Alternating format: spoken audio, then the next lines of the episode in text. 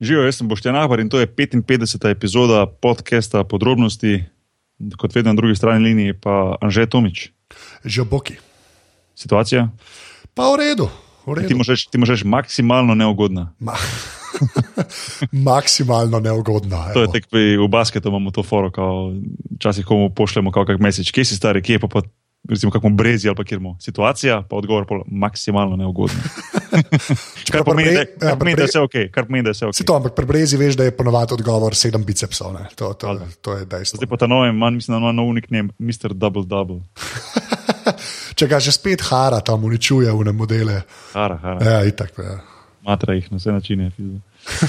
Glavnem, um, drugače vse ok, praznična Ljubljana, mislim praznično bela Ljubljana. Ja, ne, ne bi vedel, ker delam, pa pa snemam. Tako, ta teden, to mislim, da je ta tretja stvar, ki jo snemam.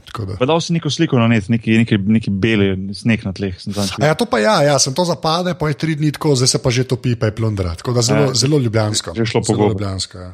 Okay, okay. Ne vem, kako sploh nekaj sneg zgleda, pismo zadnjih par let sploh nisem snega videl. A, to ne, ne, ne me trolat več s tem. Ne, pa prosim. bi ga, pa bi ga videl. Ja, Ja, Veš, ja. je, da pol čez nekaj časa ga dejansko pa ga Ja, itak je.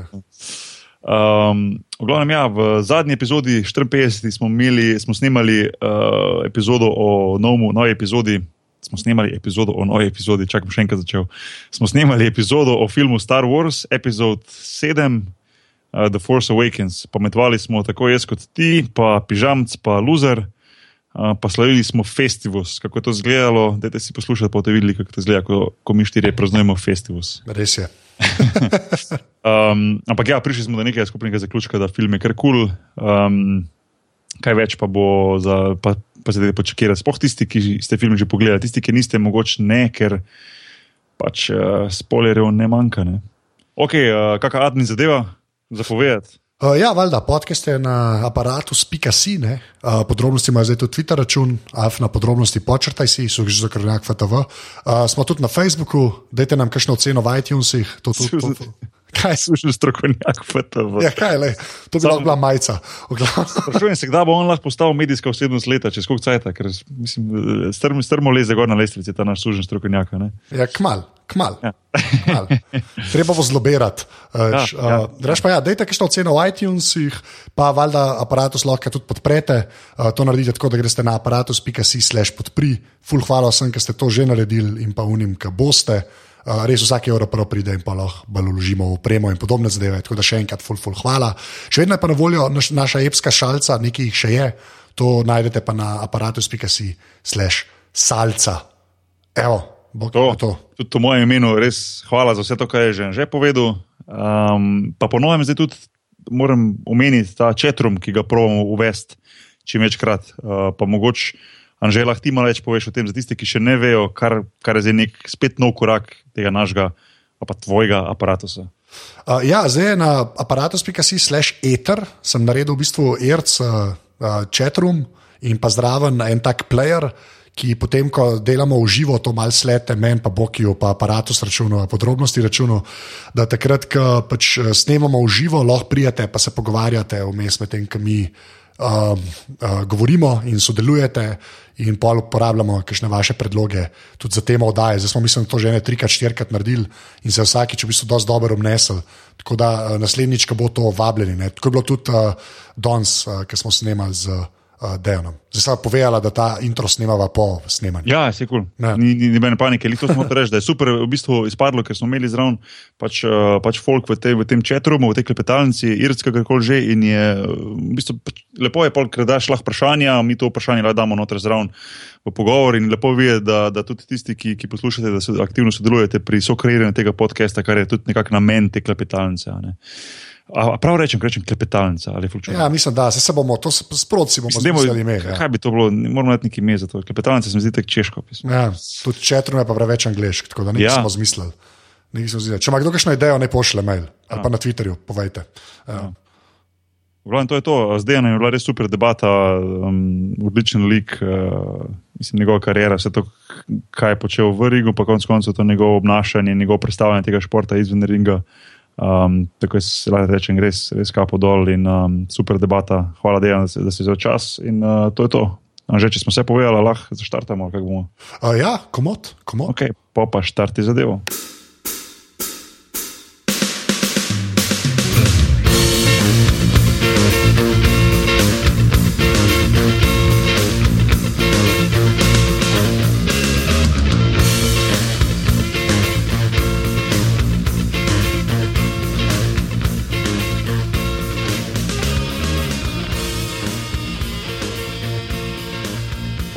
Uh, kje si dejan? Doma, doma na sedežni. Ja. Ali sem študiral, da zadnji cajt sami penzioniste imamo na teh podcastih. Zadnji smo imeli enkrat Milko, tako je tudi nehal zdaj z aktivno se ukvarjati. Zdaj si ti, uh, razumeš, ne, se prav sprašujem, kdo bo naslednji svet, ki, ki, ki se je akti, poslil od, od aktivnega udestovanja v športu. Um, povej mi zdaj, ko je že nekaj časa poteklo tega, ko si uradno naznano, da, da, da, si, da si rokovice uh, obesu. Uh, kako se, kak se počutiš, kakšna je situacija po ne, enem mesecu ali koliko je od, od zadnje borbe? Ja, jaz lahko rečem, da kar se tega tiče, iz dneva v dan, bom rekel, določene, oziroma večino, bom rekel, imam pod kontrolo, oziroma to, kar sem predvideval, nekako eh, so pa neke situacije, oziroma trenutke, katerih bom rekel, te malo čas presenete. Jaz bom iz te smeri, bom rekel, nekako tako, da eh, včasih ima dan premalo ur, včasih pa kar naenkrat zmanjka nekaj stvari, nekega rituala, ki, doze, ki sem ga bil dozej navajen. No. Ja, se to je verjetno najtežje. V bistvu, prej si imel res en tak eh, urnik, veš, ko se je zjutraj sestavil, seveda imaš trening, imaš uno, imaš tretje, imaš četrto, ne paziti prehrano.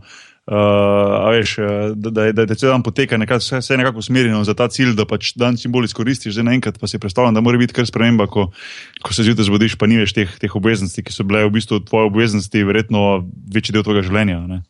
Ja, sigurno. Jaz moram reči, da nekako pridejo trenutke, ko nekako, ali je to z časom povezano, zdaj, ko vse bolj se nadaljuje, ko postaje vse bolj bom rekel, nekako to navada oziroma stalnica, verjetno, ne, eh, se nekako vprašaš o svojem ID-ju, oziroma kaj bi lahko bilo, eh, kdaj, kje bo se začelo neko novo, novo pot, novo delo, čeprav veš, eh, v katero smer greš, v katero smer hočeš. Pa se vseeno vprašaš ne, o svojem ID-ju, pravim. Pogled, moraš pogledati na osebno, si res to ti, oziroma kaj, ali bo ta no, nova pot bistveno drugačna, oziroma kaj lahko tu narediš, da bo malo naprej jasno, tako kot je bilo ne, v obdobju karijere, ko si točno vedel, da je dva, tri dvoboje na leto, to pomeni, takrat moram zategniti, takrat sem lahko tak. Zdaj pa je pravzaprav vsak dan več ali manj enak.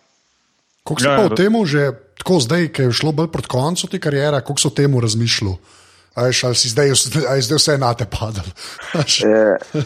ja, zanimivo to, to bom rekel, me kar sprašuje, če sem že imel, oziroma več ali manj so vsi pripričani, da sem to že imel v nekem scenariju.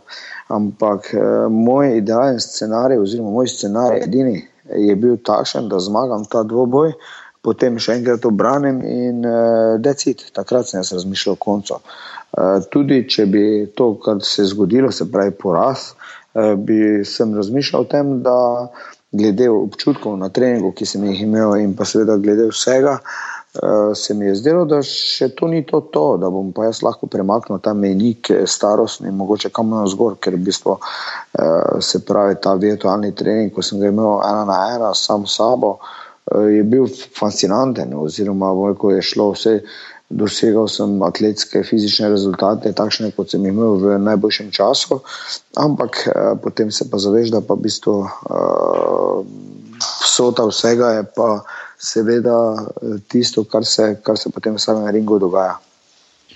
Ja, če, koliko si star zdaj?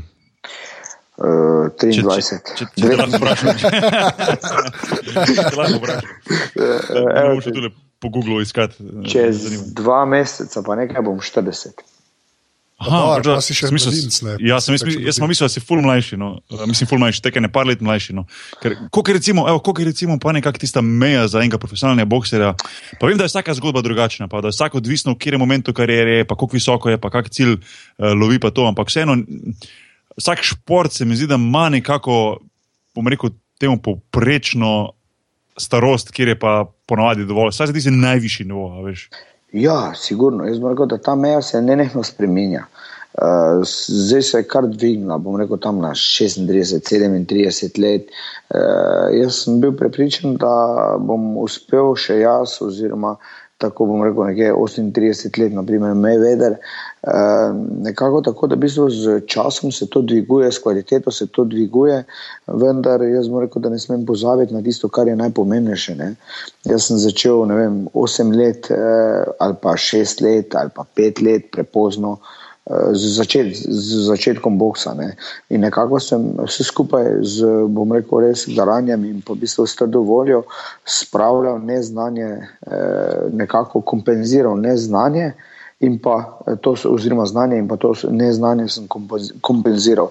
Eh, in v bistvu prav na koncu, zdaj, ko nekako to razmišljam, ne, skupaj tega zadnjega dvoboja, je pa prav v tem, ne, da v bistvu uh, manjkajo mi neka tista predhodna leta, eh, katera, s katerimi lahko razviješ neke osnove, ki pa jih nikoli ne moreš dobiti. Eh, in eh, prav to je tisto, kar bi rekel, da je bilo zelo relativno, ampak eh, če gledam nazaj, ne vem, pet let je ta meja bila 33. 35 let so že bili res, eh, res starčki, oziroma eh, pravzaprav ni bilo smisla, niti, niti niti pomislil ni nišče, da bi več kot 35 let bil star in se boril še vedno za naslov svetovnega prvaka. Kar bom rekel, je danes že kar nekajkrat. Bom rekel, nekaj posameznikov to o, teorijo podrlo, ampak kakorkoli, če sklepam samo po sebi in po večini teh, eh, da izvzamemo te posameznike, je tam nekje 33-35 let, maksimum, eh, kar ga lahko ujameš. Ja, nekaj. Um...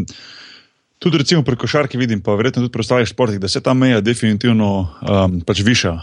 Včasih je bilo recimo ne, 30, 32, vem kot tiste igralce, ki sem včasih gledal v stari jugi, ko so bili, ne, uh mhm. -huh. stara, stara generacija, še kašo tam 80, pa tam. Uh, Posebej je to že dvignilo, zdaj če pogledaš, sploh NBA, recimo, imaš igralce 37, 38, ki igrajo še na izjemno visokem nivoju, se pravi, se je to kar hitro pomaknilo v teh zadnjih 20 letih. Malo ma se je zaprašal za naprej, koliko časa je sploh še realno, da se ta meja lahko premika naprej, ker Uh, veš, čez 20 let sigurno ne pričakuje, da bo pa 43, 44 let igrali še vedno basket. to bi bilo malo, vsaj za ta nivo, govorim za najvišji. Ne. Je pa sigurno pri, pri tem pomaga normalno način treninga, dojemanje, kaj je pomembno, kaj ni pomembno, kako trenirati. Uh, pol, verjetno del prehrana, uh, se pravi, poškodbe, ki jih znajo zdaj z operacijami in s terapijami, tako lažje odpravljati. Oziroma, uh, uh, igralce oziroma fajterje, bokserje pripraviti za, za to, da, da, so, da se hitreje vrnejo in lažje vrnejo. Uh, ne vem, recimo poškodba križnega kolena, a veš, križno, križni viziv kolena je včasih bila konc karijere pomenila, ne za košarko govorimo, ne, ne vem, 20 let nazaj, veš. Zdaj je, je, je povsem normalno, da se nek 20, 25, 30 letnik vrne, vrne po taki karieri, v taki poškodbi nazaj. Vem, Jagodnik se je vrnil tudi pri 35, da je s tako poškodbo na najvišji nivo. Uh, Um, to, so, to so spremembe v, v, v zdravstvu, ki, uh, ki pripomorejo tem, da lahko lah igraš uh, dlje in dlje in dlje. Um, in verjetno, verjetno je tudi po mojem podobno pri boksu. Čeprav v boksu se mi zdi, da je, jaz to kot čisti laj govorim, ne boš mislil, da je skaj pametujem, ampak se mi zdi, da tu je en pomemben faktor zraven. Če primerjam košarko, ne, boks, pri, pri košarki ne dobivaš udarcev v glavo, veš, pri boksu jih. Ne. In, in ja. kdaj, kdaj, se, kdaj se tudi bokser zaveda, mogoče tudi to bilo dovolj, da se sicer fizično dobro počuti, ampak da reče, le skozi toliko borb sem šel v življenju, toliko pa toliko udarcev sem, sem sprejel, predvsem v glavo, ne, da je to zdaj pa mogoče to vola. A veš, kaj mislim? Ja, absolutno. Jaz bom rekel, da normalno, eh, mislim, mi čisto jasno je, da današnji nutricizem in pa seveda uh, tudi eh, zdravstvo dela čudeže in premika, predvsem na, na podlagi zdravstva, mi lahko premikamo te, bom rekel, meje, poškodbe. Eh, nekako skoraj da izvenijo uh, na hitro. Kaj ti ne vem, križne vezi, po pol leta si že v akciji, včasih je, kot si omenil, to je bilo konec vsega. V glavnem, eh, absolutno se strinjam s tem, da se bo meja dvigala in pa seveda jaz osebno, če pri sebi lahko rečem, eh, enostavno nekako tako je, eh, pa daleč tega, da bi zdaj rekel, vem, da pa je v se pravi, skupinskem oziroma ekipnem športu, se možnost eh, nekako skrivati ali karkoli. Ampak mislim, da tudi mogoče malo bolj čisto zumiran si. Ne? In jaz bom rekel, da nekako nimaš, nimaš tiste pauze, nimaš tiste, tiste ne vem, če pač danes ti ne gre dobro, si jih pač veliko bolj pretepen, kot pa takrat, ko ti gre dobro. Ne? Razlika je mm. samo to, ali dobiš več udarcev ali dobiš manj udarcev. Mm. E, in normalno, kar je potem tudi tukaj, bom rekel, še normalno, tako kot vse posod, e, psihološka sestava, dopolnilo. In na koncu koncev, eh, kot sem omenil, ta zoom, ki je v bistvu nekako, ko si sam, sam eh, tu ni, bom rekel, tako kot sem dejal takrat eh, preko Twittera, eh, ni skrivalnic, ni tukaj nekega blefa, tu ni, če hočeš sam sebe blefirati oziroma biti neki klon, potem ok, normalno za vse mesto. Ampak se mi zdi, da če malo kočke, malo spoštuješ šport in pa se zavedaš, Eh, potencijalnih takšnih nevarnosti in pa seveda dejstva. Eh, potem se tukaj ni kaj zaigrati in jaz mislim, da eh, to nima dobene veze z nekim, zdaj ne vem, ali prevelikim respektom, ali strahom, ali s čimerkoli drugim, ampak enostavno gre za, za dojemanje, zavedanje, zavestno, da pa nisi več na nivoju, da bi pa lahko naredil karkoli boljše, Naprimer, jaz osebno na treningu sem res naredil um, vse, kar sem lahko naredil, vse, kar mi je bilo dano, vse, kar sem naredil, sem naredil do maksimuma. In potem v samem treningu sem opazil, da sem bil v bistvu uh, prepočasen na reakcijo, prepočasen na akcijo.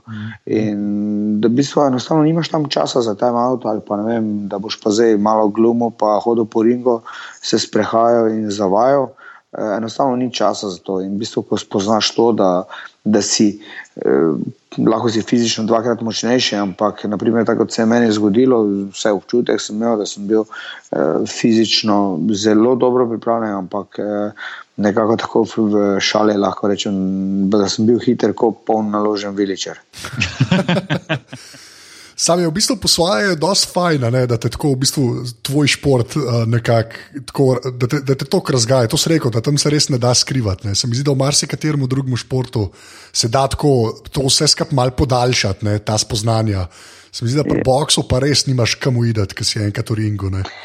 Ja, jaz, mislim, jaz mislim, da prav to isto, kako bom rekel, ne, vem, ne glede na šport, da pač, eh, do športa treba imeti respekt. Jaz bom rekel, da eh, zakonitosti športa so še vedno vsem nam, športnikom, ali na srednjem, nizkem, ali pa na najvišjem nivoju. Eh, ko že mislimo, da držimo za jajca, potem vidimo, da ko se nam zgodi neka taka stvar, potem vidimo, da pravzaprav še nam dosti manjka, da bi vedeli res eh, tisto vse, vse tiste neznanke, vse tiste stvari, ki nas nekako, bom rekel, lahko v šoku oziroma šokirajo.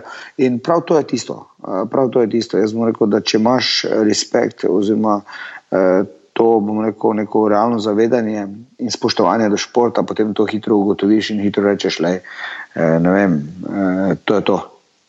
Ja, nekaj, um, gledam recimo tole primer uh, Roy Jones Jr., veš, ki je v bistvu že v poznih 40-ih, preko, mislim, da ima preko 70 fajtov. Um, veš, pa ga je v bistvu, pa ga je v bistvu skoraj žalostno gledati, v bistvu, ko zdaj tudi zgubo pred kratkim, je spet bil nokotiran. Ja. Veš, da, da, da, da še straje, ne vem, so zadnji mogoče, uh, da je zadnji recimo, za motivacijo samo res uh, želja po, po dokazovanju, bog sam ali zadnji tudi denar, tudi to, to. ampak nekako sem tudi videl, sem zasledil en posnetek, recimo, mislim, da on komentira na HBO ali nekaj takega z boksa, ne, oziroma da je bil komentator pred kratkim, da se mu že v bistvu pri govorjenju, a veš, se mu že vidi, da v bistvu uh, nekako, kako bi rekel temu, da mu, da mu, da mu govorica ne, ne sledi možganom, a veš. Točno. So posnetki na internetu, ker je to zelo, zelo grdo videti. No. Um, ja. Ker bojiš za človeka, pa spoga ne poznaš, pa rečeš, pismo, ki je dosta, veš, ki je tam meja, da rečeš, lej. Ne gre ne, dovolj, ja. ne, ker to, to mi je najbolj, recimo, pri teh športih, borilnih, ko so ali to boks ali to MMA ali karkoli. To mi je najbolj ta faktor, da znate znat reči dovolj. Ne, in to pri tebi spoštujem, se mi zdi, da si, vsaj ko sem jaz spremljal tvojo kariero, pa vse skupaj, da si tako sam rekel, ne, vedno dal vse od sebe, vedno šel na polno.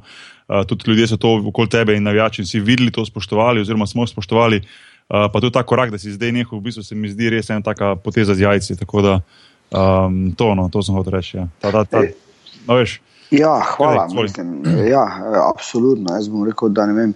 Eh, take posameznike, vem, za mene osebno je Roy Jones bil, bom rekel, ikona eh, tega športa, bom rekel, njegove fascinantne, edinstvene Eh, predstave, ki jih je imel, in, in vse ostalo.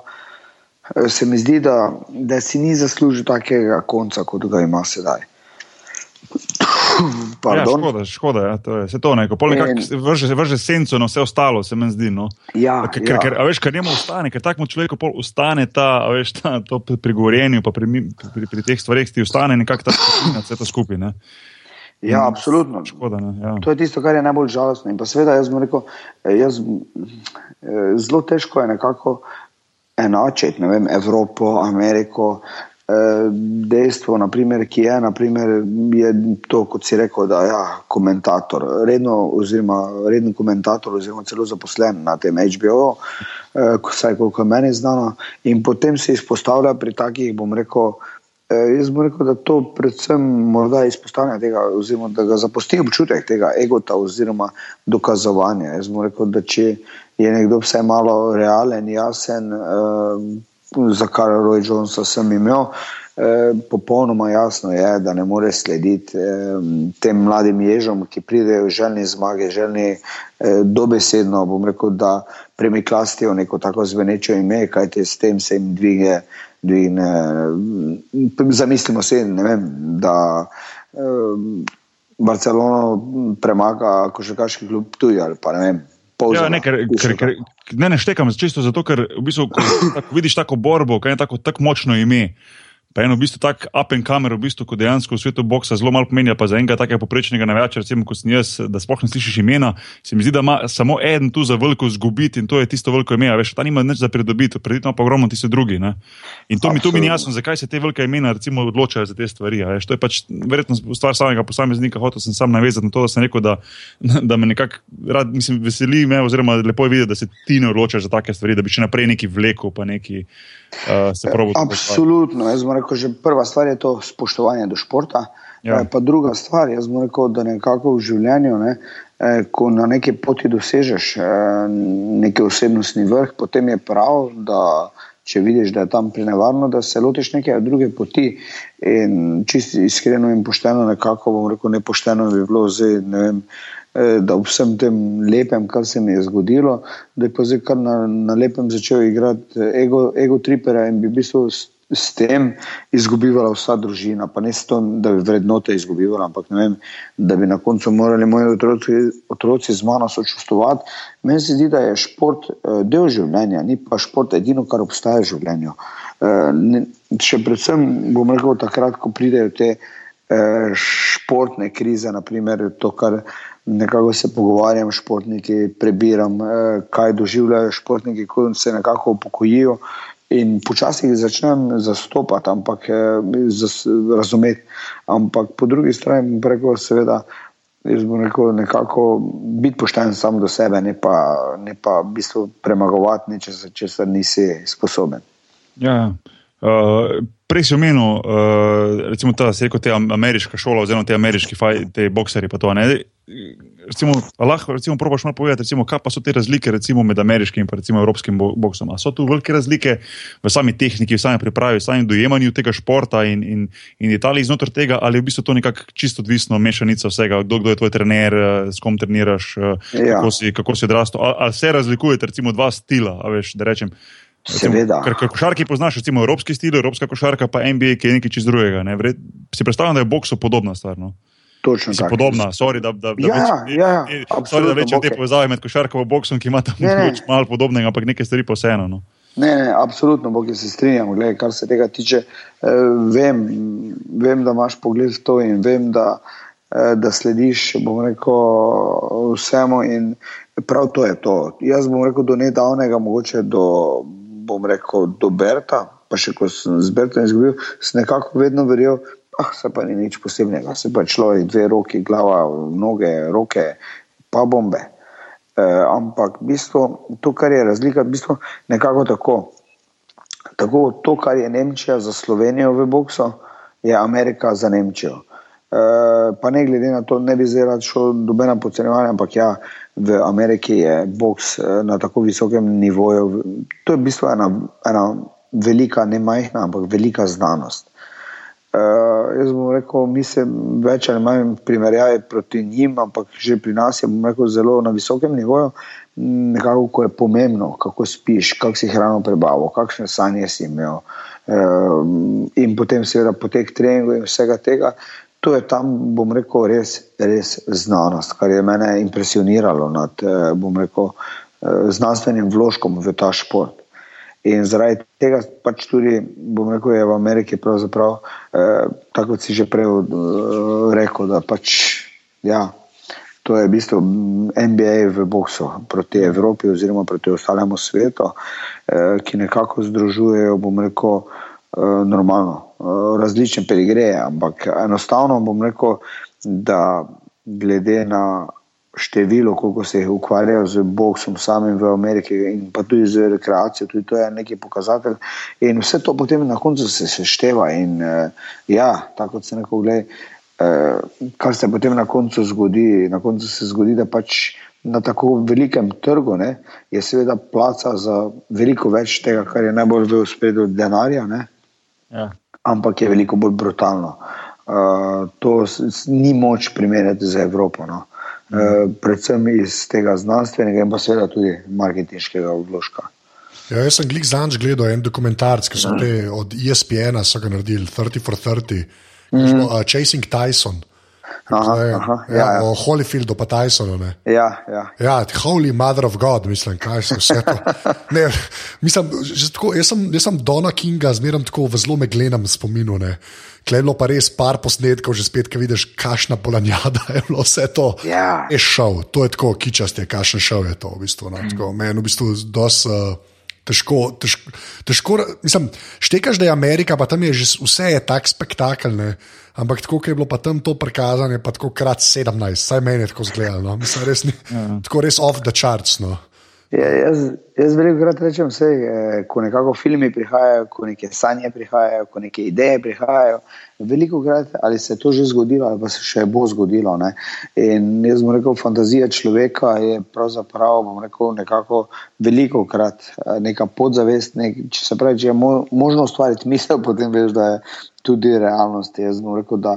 Eh, kar se tiče Don Kinga, nima malo število športnikov, oziroma bokserjev na vesti. Uh, Uh, ja, ampak eh, to je ta dirty game, ki bom rekel, je ena past, ti si lahko najboljši, ti si lahko najmočnejši, največji, ampak nekje, eh, ko se zatakneš v zanko, eh, pa ti ne pomaga velikost, moč, znanost, prav nič. Ja, in to je ta krutost tega ameriškega športa. No.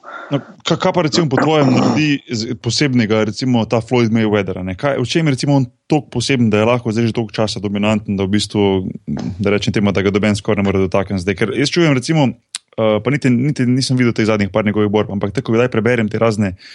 Opise borbe ali pa potem kakšne komentarje, pa to vidim, da ljudje kar malo pizdijo, da, da se preveč, da se preveč, celo preveč izmika, da ne gre več toliko noter v, v fight, kot bi recimo uh, bilo mogoče strani navijača pričakovano, ampak da je zelo dobro v tem, da se zna izmikati, pa da zna na koncu več zmago ven. Um, ja. Recimo, kaj njega naredi tako posebnega, ker je dejansko eno dominantno. V, teh, mislim, v boksu, če zdaj poštuješ na boks, pomisliš na njega. No. Ne boš ja. pomislil, na, pomislil na kličko, ta, čeprav je bil tudi dominanten v svoji kategoriji, ampak vseeno se mi zdi, da je Floyd Mayweather nekako daleč pred njim. Saj jaz tako vidim. No. Ja, absolutno se strinjam. Ne. Ja, kar se tega tiče, bom rekel, samo ena stvar. Ne. Eh, veliko krat govorijo prav ti, ki niso morali priti do njega in tudi niso bili postavljeni na ja, mesto, da bi boksali z njim. To, to, si prav rekel, to si prav rekel, to se ti tako strinjam. Ja. Sigurno, da je lažje strani govoriti, kot pa, kot pa bi z njim v ringu. No. Absolutno. Vsi najboljši boksari v zadnjih desetih letih, kar so bile na zemlji, so z njim boksali. To je uh, dejstvo. In še drugo dejstvo, doben, doben ga ni narezal se pravi, za vse je imel odgovor, vse je pravzaprav rekel, dominiral. Uh, Sveda, z izjemo bomo rekel, nekako tu pričakovati ta zgodovinski dvoboj, mene, pa mene, pa kje, ja. pa ja. me veder, so vsi pričakovali nekako, ne vem, ne vem kaj. Ja, ja, da bo zdaj, ne vem, da bo, ja. križ pricela po tribunah. ja, ampak, ja, točno tako. Ampak vsakdo pozna Bog, vsakdo pozna imenja in, in Floyda. Eh, ona sta ostala sama sebi zvesta, čeprav je šlo tu za zgodovino, čeprav je šlo tu za menike, ki premikajo, rekel, in po mojem mnenju, pa ne zato, ker nisem zaslužen, ampak zaradi tega, ker pač se mi zdi to. Uh, že dosti krat neokusno, te vsote, višine vsot, ampak dejstvo, ona dva že imata nekaj takih podobnih zneskov na svojem računu in to nima ne spremeni življenja, razen tega, da pač ostane ta nesmrtna.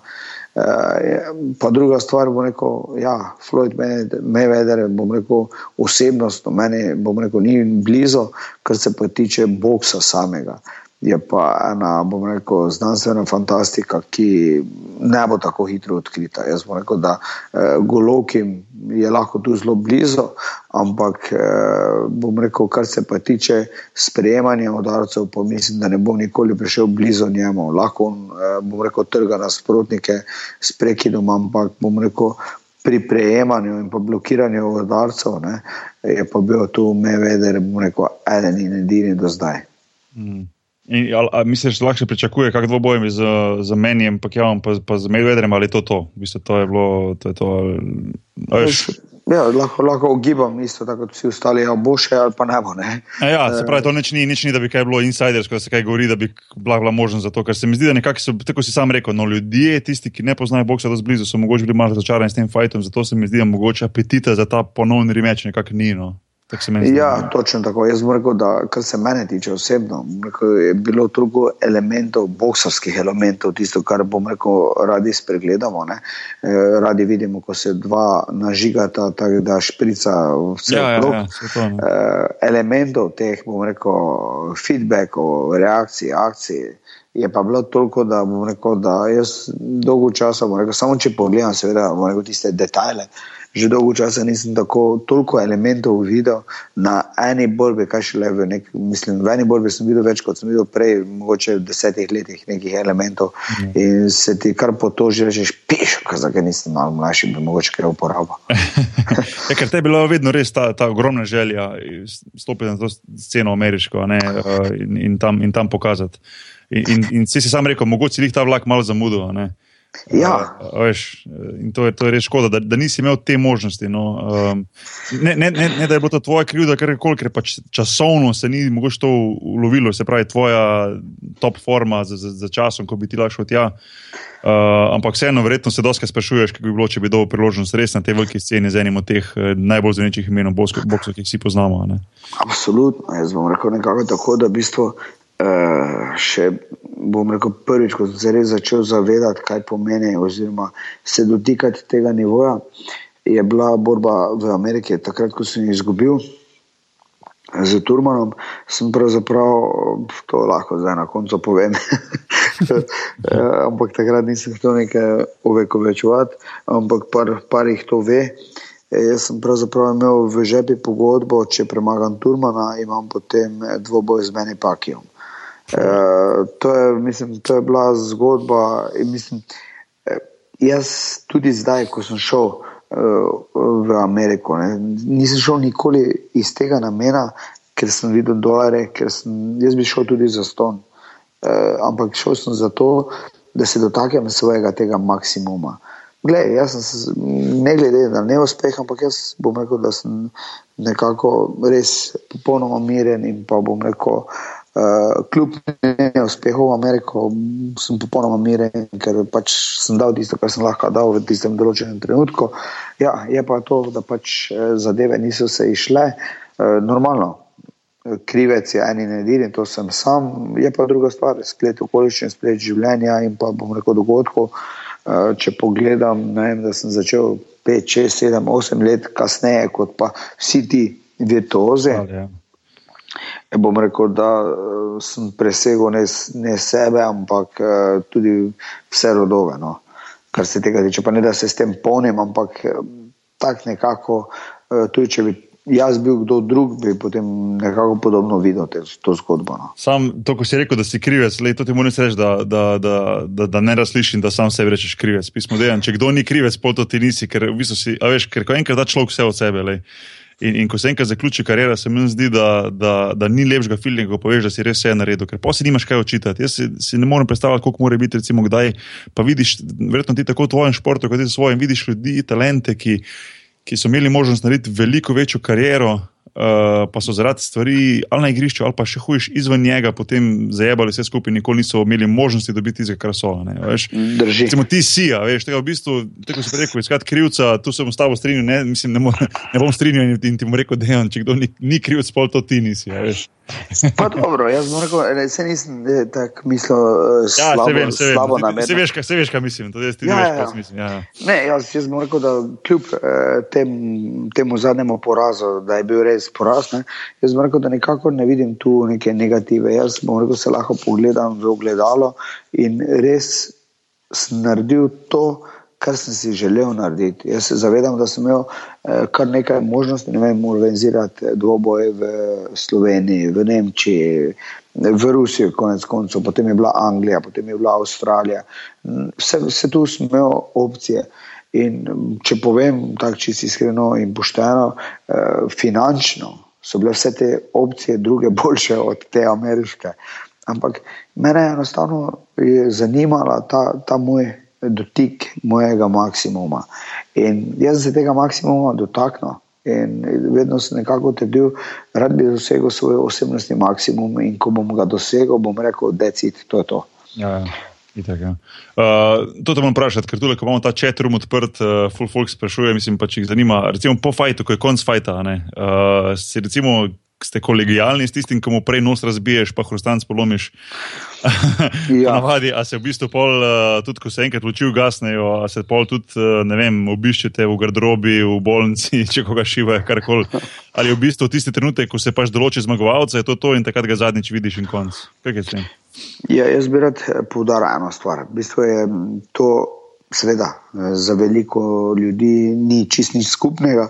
Eh, Za mene osebno je, pa bom rekel, da kar za večino bokserjev eh, tudi je, razen seveda par eh, posameznikov, ki pač ali iz razloga jezika ali pa res iz razloga tega, da pač samo sabo ne more živeti.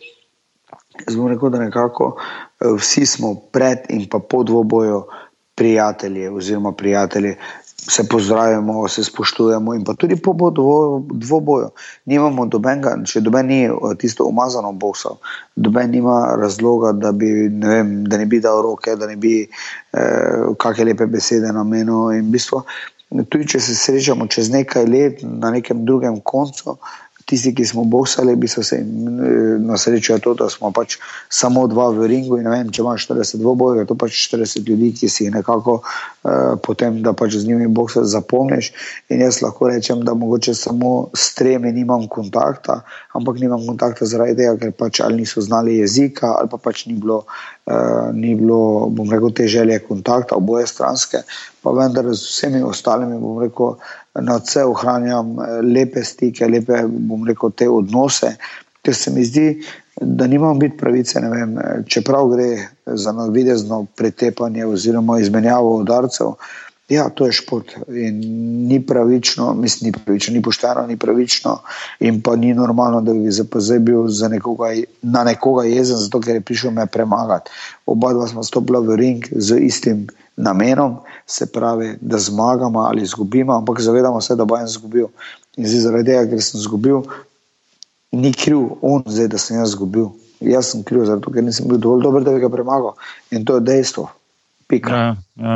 Jaz, kaj pa recimo tisto, ko je pred tekmo, veš, je to ta build-up, pred, mislim, pred Ja, tekmo, ja. sorry, jaz vedno rečem tekmo, ker sem navajen pred borbo. Um, uh, a veš, koliko, koliko je tule, recimo, pa mogoče ne v tvoji situaciji, ker se mi zdi, da, kot sem spremljal, si ti bil vedno zelo fair do nasprotnikov in nisi nekaj delal nekih, nekih ekscesov, pa nekih nepotrebnih scen, ampak vidiš tako pri boksu kot pri, pri mogoče v katerih ostalih borilnih športih, da, da pa ko se promovira fajt, da pa drug drugemu malo, tako se rečem, skočite v lase. Ja. Uh, da to, da bi se mal ta build-up naredil. Koliko je, koliko je po tvojem mnenju tega pristnega, pa koliko je po tvojem mnenju tega mal, mal fejkanja, da se pač lahko potem fajt proda?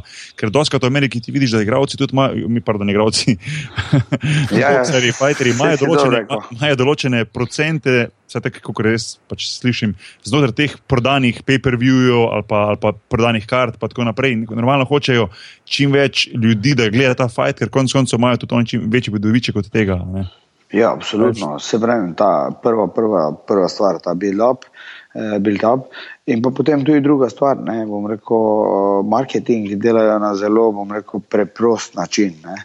Eh, Zelo preprost, to je to gobezdanje oziroma napenjanje mišic, eh, ki na koncu koncev, če pogledamo, ne vem, tako v družbi, ne, kaj si, zapo, kdo si je zapomnil mene po tehtanju, malo kdo, ne.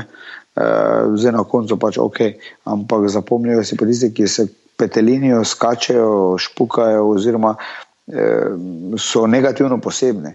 Jaz rekel, tega ne zagovarjam, eh, zavedam pa se, da pa je to ja, uh, sell ticket. Ne? Ja, ja, ja, ja. Za mene je huda fora, da je to bazično, v bistvu, da se pač tam dva gledata, to, ker je pač tako, pride do bistva. Res je. Jaz bom rekel, da bistvo, drugo bistvo, ki je meni osebno je vedno govorilo veliko to srečanje. Ta facing mi je veliko povedal o, o osebi oziroma o boksarju. Ja, je lahko, uh, ni, ni to samo nek bulšit, da reče, usmo videl oči, vidim, da ga je strah, pa vidim, da je to to. Ampak dejansko lahko mal dobiš ta občutek, ko nekoga na 5 cm gledaš, da, da je nekaj v tem. No? Absolutno, ker čutiš ta njegov brief, no, veš, eh, ta dih, eh, drhtenje oziroma ta facing, oči govori svoje. Mislim, kakorkoli je to psihološke trte izvito ali ni izvito, gledaj, tukaj jaz osebno bom rekel, da sem se zelo malo krat uh, eh, uštev. No. Uh, predvsem, če nekaj drugega dobiš, njegovo tisto, bom rekel, uh, to, kar se pa nisem najverjetneje nikoli uštev, dobiš ta uh, fizični facing, veš. Ta dotik, nekaj posebnega, ja. ni to, kar bo šit. To je v bistvu zadeva, ki je lahko, bom rekel, zelo odločilna. Mm -hmm. Seveda, jaz ne vem, jaz nikoli nisem spraševal drugih, eh, kaj obču, občutijo pri tem, ampak eh, samo osebno rekel, sem imel te rekel, doživetja. In eh, verjamem, da to tudi ostali drugi bokseri zelo eh, koristijo. Vem, se, se vidi, vem, eh, vidi se, ko je respekt spoštovanje, ali pa tisti respekt, ko je pa eh, strah, eh, strah pravzaprav lahko rečeš. Ja. Um, zdaj, ko recimo, si se pač dejansko skozi doma, ko niš tega potovanja, ko niš vseh teh, eh, teh dejavnosti okoli eh, okol borbe, okol borb, uh, tako priprave, se pravi, v, v, v, v, znotraj treningov, kot recimo medijev in vsega tega. Recimo, uh, Máš na meni, oziroma gledaš, kaj spremljaš, kaj recimo ta slovenski boks naprej, recimo, kak, v kakem stanju je slovenski boks. Um, kaj, kaj, kaj je prihodnost slovenskega boksa, ker nekako si bil ti ti, ti si bil to tu ime, zdaj pa kot tebe ne bo več, pa ne vem, koga bomo gledali. Mislim, nočem delati, ne, ne, ne, nočem delati ne, ne krivice tistim, ki so za tabo, ampak nekako jaz ne poznam drugega imena zadnji. No? Ja, malo je, bom rekel, neprijetno govoriti, pa vendarle bom rekel tako, da v bistvu, dokler se fantje in pa seveda, bom rekel, se, se neke stvari premikajo. Ampak se mi zdi, da je današnji čas, bom rekel, zelo. Aha, zelo neugoden za ustvarjanje šampionov, oziroma tistih, ki so, malo grobo bomo zdaj povedali, nekako pripravljeni popiti svoje kri nazaj, ki so pripravljeni poplačati uh, svoje delo s krvjo. Eh, in zdelo, in, in ne, ne, ne mislim v smislu dobesedne krvi, ne, ampak mislim, da od žulu in pa tega ustrajanja. A pa tudi, tudi dobesedne, v boksu, verjetno tudi ja, svoje kri. To je dejstvo, to je dejstvo. Ampak hočem reči to, ne, da v bistvu, dokler se ne bojo začeli zavedati, da najprej treba nekaj narediti, da lahko od tega nekaj imaš. Eh, dokler do tam ne bo nič. In pa tudi, seveda, bom rekel, sam strokovni kader slovenskega boksa se mi zdi, da je, eh, ne se mi zdi, sem pripričan, da je podhranjen. Eh, dejstvo pa je, da bomo mogli malo pogledati čez ograjo k sosedu eh, ali pa pripeljati nekoga, ki bo malo dvignil ta nivo oziroma sistematizacijo tega slovenskega trenerstva, ki je rak rana tega slovenskega boksa. Vse vsi pridno, jaz znam, da to dejstvo je, Pa nočem reči, vsi pridno delajo, vsi trenerji so to volonteri, vsi trenerji tu dajo sami sebe, vsi trenerji res dajo svoje maksimume. Ne? Ampak ne dajo pa, bom rekel, začetnega oziroma nadaljevalnega procesa treningov, ki so na, bom rekel, evropskem, kaj še le kakšnem drugem nivoju. Mm. In predvsem ta nivo, eh, trenerski kader je problematičen, zato ker pač nekako se bojijo Jaz mislim, da če bi že med sabo strnili glave, pa si razdelili to znanje, vsi trenerji med sabo.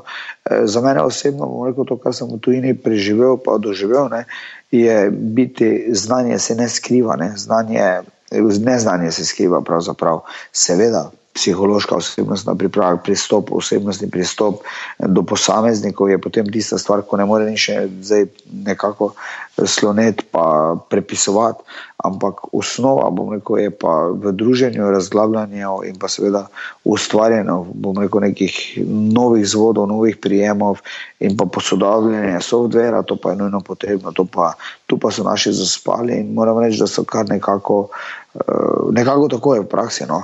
Gledamo vem, olimpijado ali pa svetovno prvenstvo, pa rečemo, uf, majke, kako boks, to je le, si videl, kak je boks.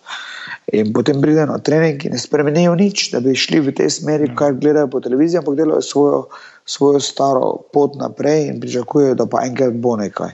Ne bo nikoli, to je dejstvo. In, uh, Te, iz tega kabla bomo mogli stopiti, ki jim ne da nekega, oziroma šlaufa, ki jim ne da kisika, uh, In ko bo stopil iz tega šlafa, mislim, da bo, bo prišel do kisika, da bo tudi tukaj eh, na, začeli nastajati. Točno tako, ker imamo, ja. pa, dejstvo pa je, pa, da pa imamo zelo veliko kadra fantov, eh, ki bi bili sposobni, ki kažejo sposobnosti. Pa vendar eh, tudi fantom mora biti jasno, da vse, kar je pred petimi, šestimi leti amaterskega, resnega dela, eh, je več ali manj v bistvu muha ena dnevnica. Ja, pa, a, pa vem, da si preskromen, da boš zdaj sam sebe tu lepo imenoval kot neko rešitev slovenske prihodnosti, slovenskega boksa. Ampak vseeno, a vidiš ti sebe v tem delu, recimo zdaj, ko imaš res toliko izkušenj, bolj kot kjerkoli, da bi recimo pomagal z, z, ali pri kakšnem klubu, ali pri zvezi, ali s kakim posameznikom, kjerkoli že, da bi v bistvu prenesel to naprej, ali pač ali enostavno pač nimaš te želje, kar tudi ni narobe. Se človeka ne moš prositi, da nekaj daje naprej, če, ni, če nima tega v sebi. Absolutno imam željo, absolutno imam željo, vendar eh, bom rekel, da se mogoče malo bojim, da pa se bojim, da pa fantje nimajo te želje prestopiti tega nivoja, kajti za ta nivo so pod, najprej potrebna odrekanja, žrtvovanja in šele takrat morda pride uspeh.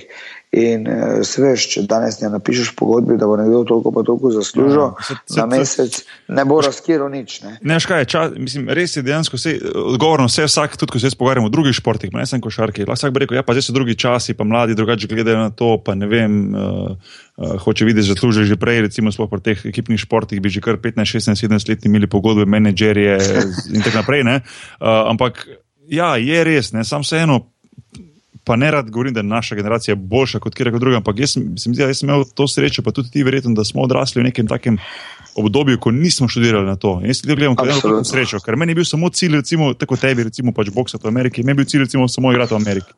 Meni ni zanimalo niti približno, kaj to zraven pomeni, ali finančno, ali kak lifestyle. Ali, ali bom imel tak avto ali drugačen, ali bom letel v business class, ja, ali, ali kak jaz sem, ko sem bil draftiran, sem rekel na prvi fucking avion, ne spravite, da grem te čez. A veš, uh, a veš, kaj mislim. Ne? In, in to, ja, ja. to nekako se mi zdi, da smo imeli srečo, da smo drugače gledali na to, kot pa gledajo zdaj mladi, pa za vse športe govorim to, ker se mi zdi, da se to da to nekako se ponavlja pri vseh športih.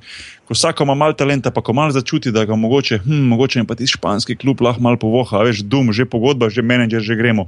In pozabi na tisto najbolj bistveno stvar, ki si jo ti parakrat omenil, na odrekanje pa na delo, nekaj potrebno, da sploh ti rata. Ne? Ja, gledaj, to je. Kaj, kaj je to rešitev, pa jaz nisem tako pameten, da bo povedal, pač druga generacija je prišla z drugimi idejami. Absolutno. Uh, Mislim pa za celo Slovenijo je pa mogoče rešitev. No, ta, da, da, da ne glede na to, kjer šport govorimo, da se vleče nazaj te, te, te športnike, ki so bili v tujini ali pa v Sloveniji uspešni, da, da, da se jih nekako vrže nazaj v cikl. Mislim, to vrže v pač, rekovajih. Ja. Pomaga, da pomaga temu športu. Ne, ne glede na to, to je boks ali košarka ali nogomet, ker se pa sam bojim, da, bomo, da bojo, pa da bomo tudi tisti, ki smo nekaj naredili, potem pač iskali možnosti v tujini in pomagali mladim v tujini, ne pa v Sloveniji. Ne. To je malo mal tak strah, ki obstaja. Ne. Točno tako, absolutno to drži, kar si rekel. Seveda, to je moja želja, da bom rekel pomagati. Uh, vendar, jaz bom rekel, da sem zelo jasen, mislim, bil in vedno bom. Ne? Jaz bom zelo hitro povedal, kako stvari tečejo, oziroma kako tečejo. Ne kako tečejo, po mojem. Ampak jaz bom rekel, da ne vem, če ima ena Kuba, pa ena Nemčija, pa ena Anglija neki koncept, katerega se je mogli držati tudi mi mi pa potem, oziroma naši pa rečejo, ne, veš kaj, mi bomo pa to malo drugače, zaradi tega, ker mi to nimamo plačano, oni pa imajo plačano. Mm. Uh, oni živijo v nekih nebesih, oziroma v nekem svojem svetu, ki mislijo, da drugim je vse podarjeno, oni bi mogli dobiti plačano, kljub temu, da nič niso naredili.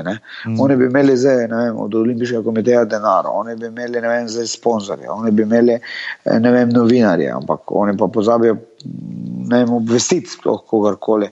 In potem to ne gre skupaj. No. Glavnem, eh, Tukaj, ja. če ne bojo zelo jasni, pa zelo, bom rekel, predani, tudi malo inteligentno, ne samo, ni dovolj, če se jutro vstaneš, pa greš na kavico. Ampak eh, še treba kaj drugega. Ko bi le bilo, ne, ko bi le bilo to dobro. točno tako, točno tako. In zato je potrebno pač čisto enostavno delo, delo, delo in še neštetokrat delo, potem pa vse ostalo.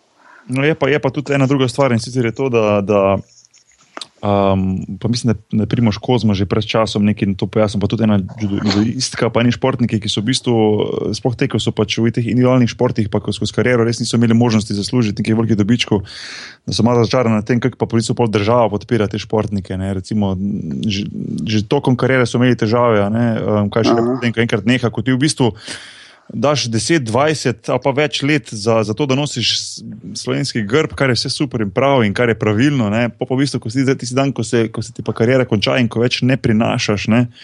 Se pa nekako na tebe pozabi in to, to v bistvu uh, si želim, da bi se spremenilo. Mislim, da imajo Srbi, recimo, ko se pogovarjam s tem, ko še kaže, imajo drugačen primer, ker, ker ti si reprezentanti, bivši dobivajo, recimo, ne rečem temu, penzije po, po, po karieri. Veš, in tako naprej. In, tako naprej. Ja, ja. in to se mi zdi, da bi država mogla tu nekaj narediti, da bi nekako pohvalili vse tiste, tiste vas, ki ste v bistvu res Slovenijo zastopali na najvišjih nivojih, na olimpijskih igrah, tisti, ki so bili v določenih športih, svetovnih prvenstvih in tako naprej. In tako naprej ne? ne pa, da se jim v bistvu nekako pokaže hrbet. In potem normalno tudi vsak reče: Veš kaj, mislim, ne bom jaz tukaj pa, pa, pa, pa se ubil, pa se potil, pa delal za, za naslednji rod slovenski, ne grem tudi na kavico. ja, da tu malo ja. mal tega sodelovanja, sigurno manjka, primankuje. Absolutno se strinjam. Jaz bom rekel, če na svoje kože, oziroma to, kar sem jaz doživel, pišem, jaz ne pričakujem, da bi kdorkoli moral nekaj, karkoli dati džabe, oziroma kar ti ne pripada, ne, oziroma mm, kakorkoli še drugače. Ja, ne, Vendar, se, se, se ne gre, tako si rekel, ne, se ne gre za to, da bi ti na kauču ležal, ne gre za to, da bi še naprej delal, da bi imel še naprej uh, bil v nekem pogonu, da bi dajal nazaj, ampak vseeno z, z, nekim, z nekim določenim plačilom, da lahko to v bistvu upravljaš, uh, tudi da, da se da rekel temu, da se te splača. Konc koncu, Točno tako. Jaz osebno, jaz osebno bi se dotaknil te teme, mogoče tako globalno, oziroma tako, tak, kot sem jaz doživel osebno, vse morda kjer drugi športnik tudi. Naprimer, tudi jaz sem bil štiri leta v slovenski policiji in sem v bistvu bil počaščen, seveda, kar se tega tiče, iz strani države. E, pa, ampak druga stvar, kar hočem reči. Ne, e, jaz sem bil zaposlen takrat, ko nisem imel časa iti v miro, pravzaprav na VC. In ko nisem imel časa vem, se poglobiti, oziroma nekaj dati nazaj, razen tega, da sem šel na par šol, oziroma par, kar sem naredil z največjim veseljem. Ampak bistvo, kar hočem reči, ne, med trajanjem športne kariere se mi zdi, da veliko krat športniki nismo dobri uslužbenci, ne? razen seveda pač tisti, ki jim je to edini vir dohodka. Samo osebno bom rekel, da nisem bil vezan toliko na dohodek. Ne? In tisto, kar hočem, bistvo tega ne, je pa to, da v trajanju karijere, tako tako športniki, nimamo nekaj dosti časa, nekih velikih potreb. Je pa zelo pomembno, da potem, ko končamo kariero, da pa takrat dobimo neko priori listo, ne da nekdo nekaj šenka, ampak da, da bi pa takrat, morda, če bi te zanimalo, dobil vem, to službo, ki si imel takrat. Naprimer. In to je tisto, kar te, kar te potem umesti, in nimaš nekega volumna v življenju. In to je tisto, kar bi jaz rekel, da, bi morda, da se bi trebalo morda spremeniti v ja. tej naši zloti zakonodaji. No. Ne, zato, ker eh, imaš določene športe, kjer športniki dejansko ogromno zaslužijo tokom kariere in je pol res na njih, a oni si pa šparajo do konca ali ne, do konca življenja, da rečemo. Imaš pa, pa tudi športe, kjer so Slovenijo lih tako, a pa še bolj predstavljali kot pa recimo en, ne vem, da zdaj rečem temu košarkaš ali pa en nogometaš ali pa recimo te športe, ko so bolj plačani, uh, uh, pa dejansko so sami sebi plačevali, da so sploh lahko trenirali in tekmovali. Veš, da se pa pol takemu človeku obrne hrbet in da se mu ne da možnost, da naprej dobivajo neko plačilo, pa ne govorim o, o 10 jurih evrov ali pa 20 jurih, lepo, Ma, jasno, za, jasno. Za, za, za dostojno živetje, ker treba vedeti, ta človek ni tistih 10-20 let delal, ni dajal denarja na stran, ima verjetno družino, ima jih tek pred sabo še 20, 30, 40, 50 let življenja. Da se pa takemu človeku obrne hrbet, se mi zdi pa totalno nepošteno, totalno neferne. Sploh pa se mi zdi nefer, da, da, da, da, da ljudje nočejo to razumeti Koliko je dejansko tu odrekanja in koliko je v bistvu to enega dajanja skozi vsa ta leta, da v bistvu potem nimaš nič nazaj, se mi zdi zelo, zelo mačehovsko nekako no, ta, ta, ta odnos. Tako da škoda, mislim, upam, da se bodo te stvari za naslednje generacije pa popravile. No. Le, ja, vse to so glih te stvari, ko, ko, ko govorimo mi o njih. in pa Jaz pravim, da ogromno nekih športnikov dobrih smo mi imeli in jih imamo. Ne? Ampak se pravi, veliko krat je tako, pač, da v tistem obdobju, ko smo pač notri, ne, naprimer, ne vem, naš, eh, ne vem, eh, naši veslači, naprimer, ne, Mhm, vsi po vrsti, gledaj, katere medalje na olimpijskem, svetovnem, evropskem eh, prvenstvu niso imeli. Danes pa pravzaprav, če se same ne znajdejo, ne, jih pač niti ne povoha država, pa, pa se je rada po, pohvalila z njimi, pa zdravljica igrala in se vse to, ostalo, to. naprimer, vem, eh, naš veslač, le, mislim, vsi vemo, o kom govorim, ne, Ja. ampak Ne, ne, se to, to, so, to so te problemi, ne, ker uh, ne vem, če, kolikor se, v kakšni meri se to dogaja v drugih državah, ampak si predstavljam, da, da, da v določenih ostalih državah je to, se ne predstavljam, da je isto kot tu ali pa slabše, po mojem, samo bolj urejeno, ker vemo, da. ma- Nažalost, marsikaj pri, ni, pri nas ni urejeno, ampak pustimo to, pa sploh pa pustimo politiko, ki se nočem to spuščati. Da, res je, res je, mislim, nis, ni- nisem tako pameten. Ja. Ja, verjamem, vse. Ja. Ja. To so, te, to so glih te stvari, oziroma ti problemi, ki eh, ne moreš iti skozi njih. Naprimer, isto čop. Naprimer, meni je najbolj tu, bom rekel, isto pojoč, koliko medalj, koliko vsega, onega, drugega, tega pa ne vem, pa še ogromno jih je. Ampak na koncu koncev, če ne bo poskrbel za sebe, bo pač ne glede, da je bil zelo celebrity, vsi so se hoteli slikati z njim, na koncu pa, če se ne bo sam rešil, pač. Tisti pregovor, veliko krat velja, ne, pomagaj si sam in pomagali ti bojo drugi na koncu. koncev. Ja, ja, seveda.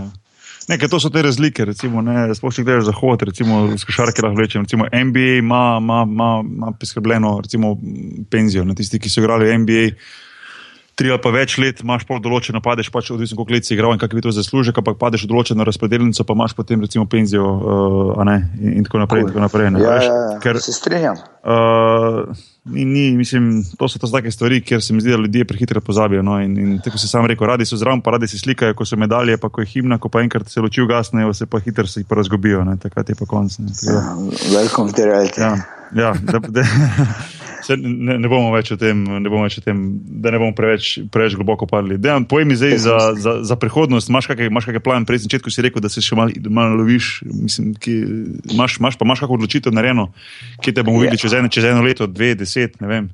Ja, absolutno. Jaz bom rekel, da nisem človek, ki bi pustil neke stvari, kako bi rekel, kar nekemu na ključu, se prepustiti, pa zdaj tavati tu, pa se žaliti. Jaz bom rekel, meni je lepo v tem trenutku in meni bo lepo tudi čez eno leto ali pa čez deset let. E, vidim se definitivno v športu, definitivno bom deloval v tem mojem centru, na Ptuju, v mojem džimu.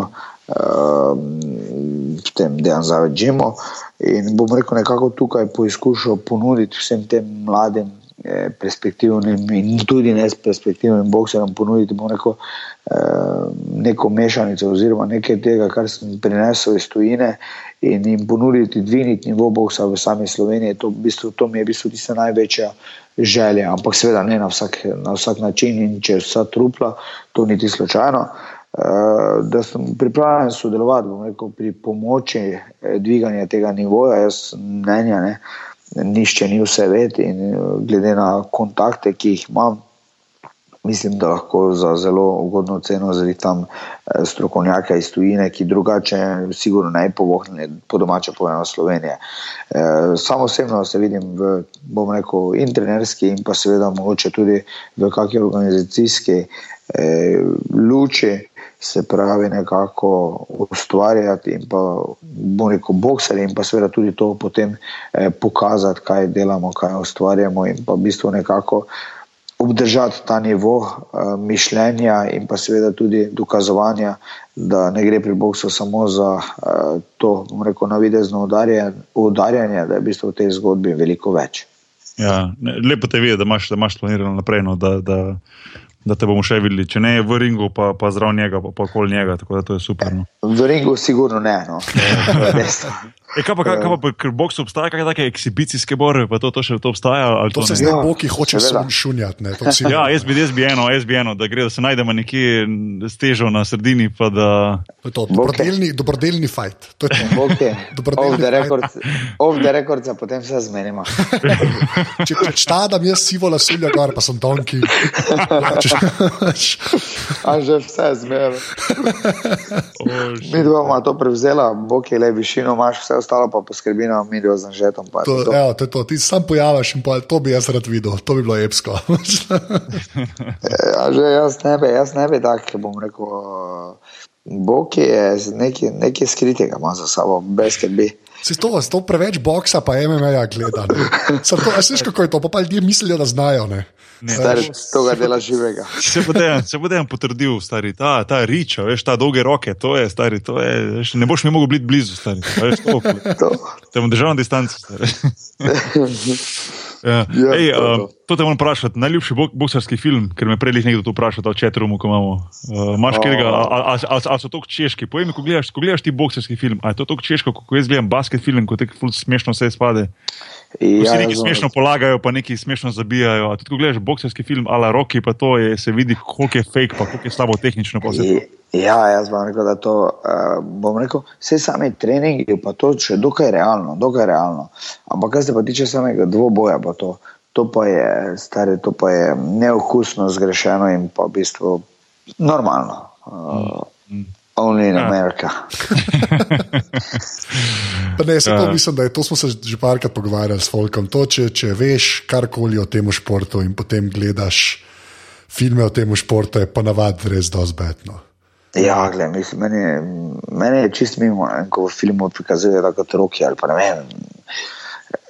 Tudi ostali filmi, se mi zdi, da je veliko prepotencirano ta, bom rekel, vzdržljivost, udarljive, brutalnost. In, ja, iz tega verjetno tudi potem nastaja to, da je boks eh, tako hudo brutalen šport in pa primitiven in pa vse ostalo, ker v bistvu veliko krat zelo poudarijo to kri in pa muda v rokah. Ja, ja. Ja, to, je, to, je, to, je, to si zdaj roki opisal, ti, ti si zdaj naredil opis filma Rocky. V bistvu. Ja, Čeprav, vse- vseh 17 filmov roki. čeprav veš kaj, le- ne, sami treba biti odkrit, mislim, saj jasno. Ti dejan, vem, da se drugače gledam to, ampak jaz, ko smo klinc mali, ko smo gledali Rockyja, Rockyja, to se je res gledalo, mislim, to je bilo za gledati, a veš, to je Ma bilo uno. Stari, ne zabavaj se, jaz sem bil takrat eh, po Šverci, sem prišel v kino, še sam ne vem kako, ampak gledaj to, sem odprtih ust, oči stoječ gledal in jaz sem bil pripričan, da je to to. Pol sem, pol smo škar sem podelal, pol ko sem nisem imel doma, Anže, to bo tebe zanimalo, ko si bolj tehničen tip. Pol sem v bistvu, uh, ko sem imel doma na televiziji roke, jaz sem zraven na radio, pa na kaseti snemal muziko iz filma, da sem lahko to poslušal, ko sem šel recimo na trenirati ali pa karkoli. Čak, sem kaj, ne štekam, snem si šče. Ja, tak radio je bil, ker si dal kaseto, a veš, ki si lahko. Na un mikrofonček, na, ali si No, s mikrofon kabli je bil že povezan. kar v radio, ne, nisi rabo mikrofona, A. ker je bil že ugrajeno radio. Ja, ja, Stari, to, to govorim tam. Samo no, radi, da blizu televizije, pa je to to. Ja, pa samo daš, ko si pritisnil play, pa, pa rec skupaj. Super. To se pravi, če te prav razumem, to ta s- uh, standard definition, ne, pač, Ja. si snemal na mikrofon, ki je bil ugrajen v nek radio, Ja, tako. pa na kasete. Ne? Anže, Ja. koliko si ti star? 83-letnik, 83-letnik. No, normalno, te pa ti to ne poznaš. Ne, ne, pa se poznam, sam, ker pač to vem. Ne poznaš, samo glih tisto leto so ukinili te radije. Ne, bo, ja, to moram priznati. Jaz sem, jaz sem dejansko. Ne, čeprav tako, doma smo imeli kasete, ker moj fotor je bil fulumuski, uh, uh. ki je na radiju delo, pa to ne. Ampak uh, jaz sem tako, da, da je- zase rečem, jaz sem začel s CD-plejerji. ne, To, to moram priznati. No, tako. Wow. ja. Nisi bolj, nisi bolj, stari, kao vse smo mi na kasete snemali, ti si pa zamudil se. Ne, pa se sem imel, veš, ampak tako, da bi rekel, o, zdaj sem pa rekel musko poslušal, ker sem bil otrok, ja, sem bil kaseto, ki smo imeli nek brutalen hifi, ki ga je fotor imel, ne, sem presnemaval, sem enkrat celo, to je neka zgodba, ki sem Jonasu, ker takrat je moj fotor gledal na RŠ, ki bo Jonas, tam sem Jonas, neko zeleno kaseto presnel, ker sem se trl jaz v radio. Tako da to je ta moja, ta moja zgodba s kasetami. In takrat pa nisem smel več tok s kasetami početi. V bistvu. Ja, nekaj, mi, smo, mi smo odrasli, mi smo odrasli, gre s tem. No. Smo Ja, še, ja, smo še drži. kao, kao vse smo na kasetah. Veš, časi nisi mogel ti priti, ti nisi mogel kupiti kasete, soundtracka, roki filma. To je bila edina varianta, za to muziko je bila tako, kot sem se opisal. Drugače ni šlo. Točno veš, mislim? Ja, ja. Um, tega, to, so bili, to, je bilo, to so bili ti zlati cajti. Ja. Kaset, pa Betamax, video kaset. Pa.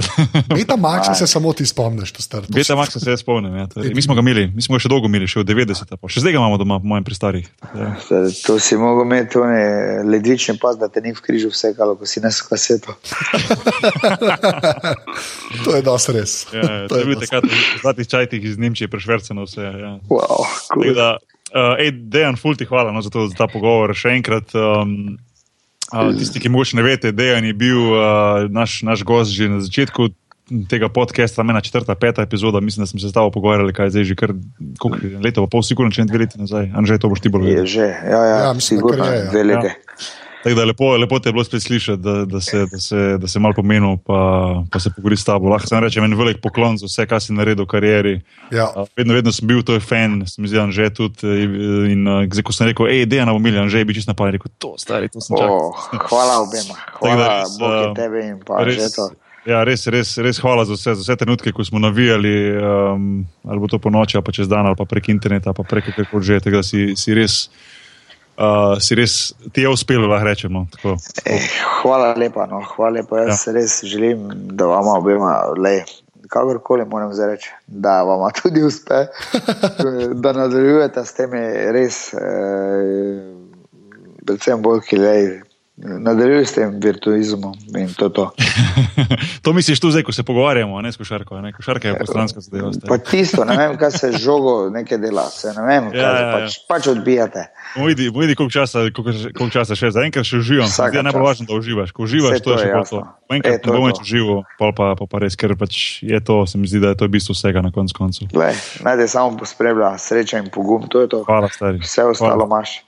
Hvala stari. Anže, povej za konec, admin, kaj še imamo za povedati. Uh, je reč podcast je valjda na aparatus.com, uh, imamo tudi ta Twitter račun, afna aparatus, ne uh, podrobnosti, počrtaj si, ki ga fura nas sužen strokovnjak. Ne, Ja.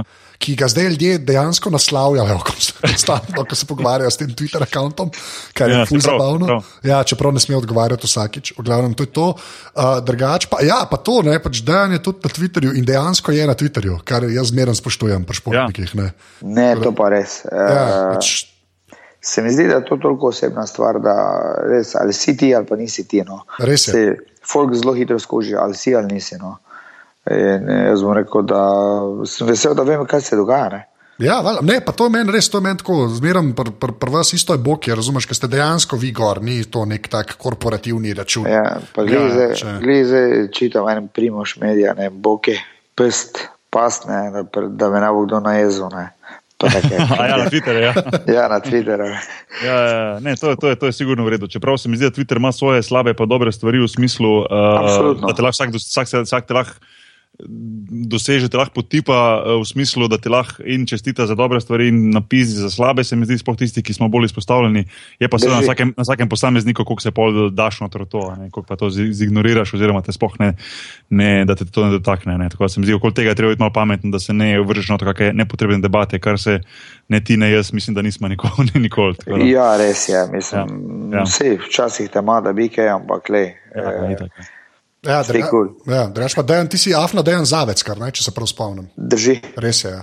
A pa ti imaš tudi, evo, zdaj sem te šel, ti imaš tudi tuno kljukco, mamico vam, vsi imate kljukco, ja, to sem vam koš. A veš, ja, kljukc? po, po, potrde, potrjen si strani Twitterja, imaš ono ta plavo kljukco, ne. To je Ja, noro. nisem, to se ti zdi samo. Uh, čakaj, a še kaj tazga od admina, boki, kje si ti na internetu? Ja, nič, Edbok in Ahbar, to je to. To je to. Jaz sem Afnan ja. ZT, uh, hvala vsem v četrumu, ki ste poslušali. Te Ja, ja, živo zadeve so zmeraj bolj fajn. Ja, res, hvala sem, to moram reči, da ste. Hvala pa tudi marsikaj vprašanje, ki sem ga jaz vprašal, je bilo iz tega chatruma ven, tako da um, tudi za naprej bomo, kadar bo le možno, probali narediti ta chatrum in live uh, snemanje, da lahko tudi poslušalci sodelujejo. Tako da, da thanks, ja, pa uh, dejan veliko čestitk imaš strani ljudi na no, chatrumu za, za, Ej, hvala kariero, lepa. Hvala lepa. Ja. hvala lepa vsem, To, to je to. ki so hteli poslušati. Ja, mislim, da je bo kar nekaj. Evo. Hvala. E, hvala. To je okay. to, noč, uh, uh, uživite. Ajde. Ja, hvala sem, ajde. Dejan, hvala tebi, no smo na vezi, ajde. Enako, Aj, čau, čau, Čau. bye. Čau, čau.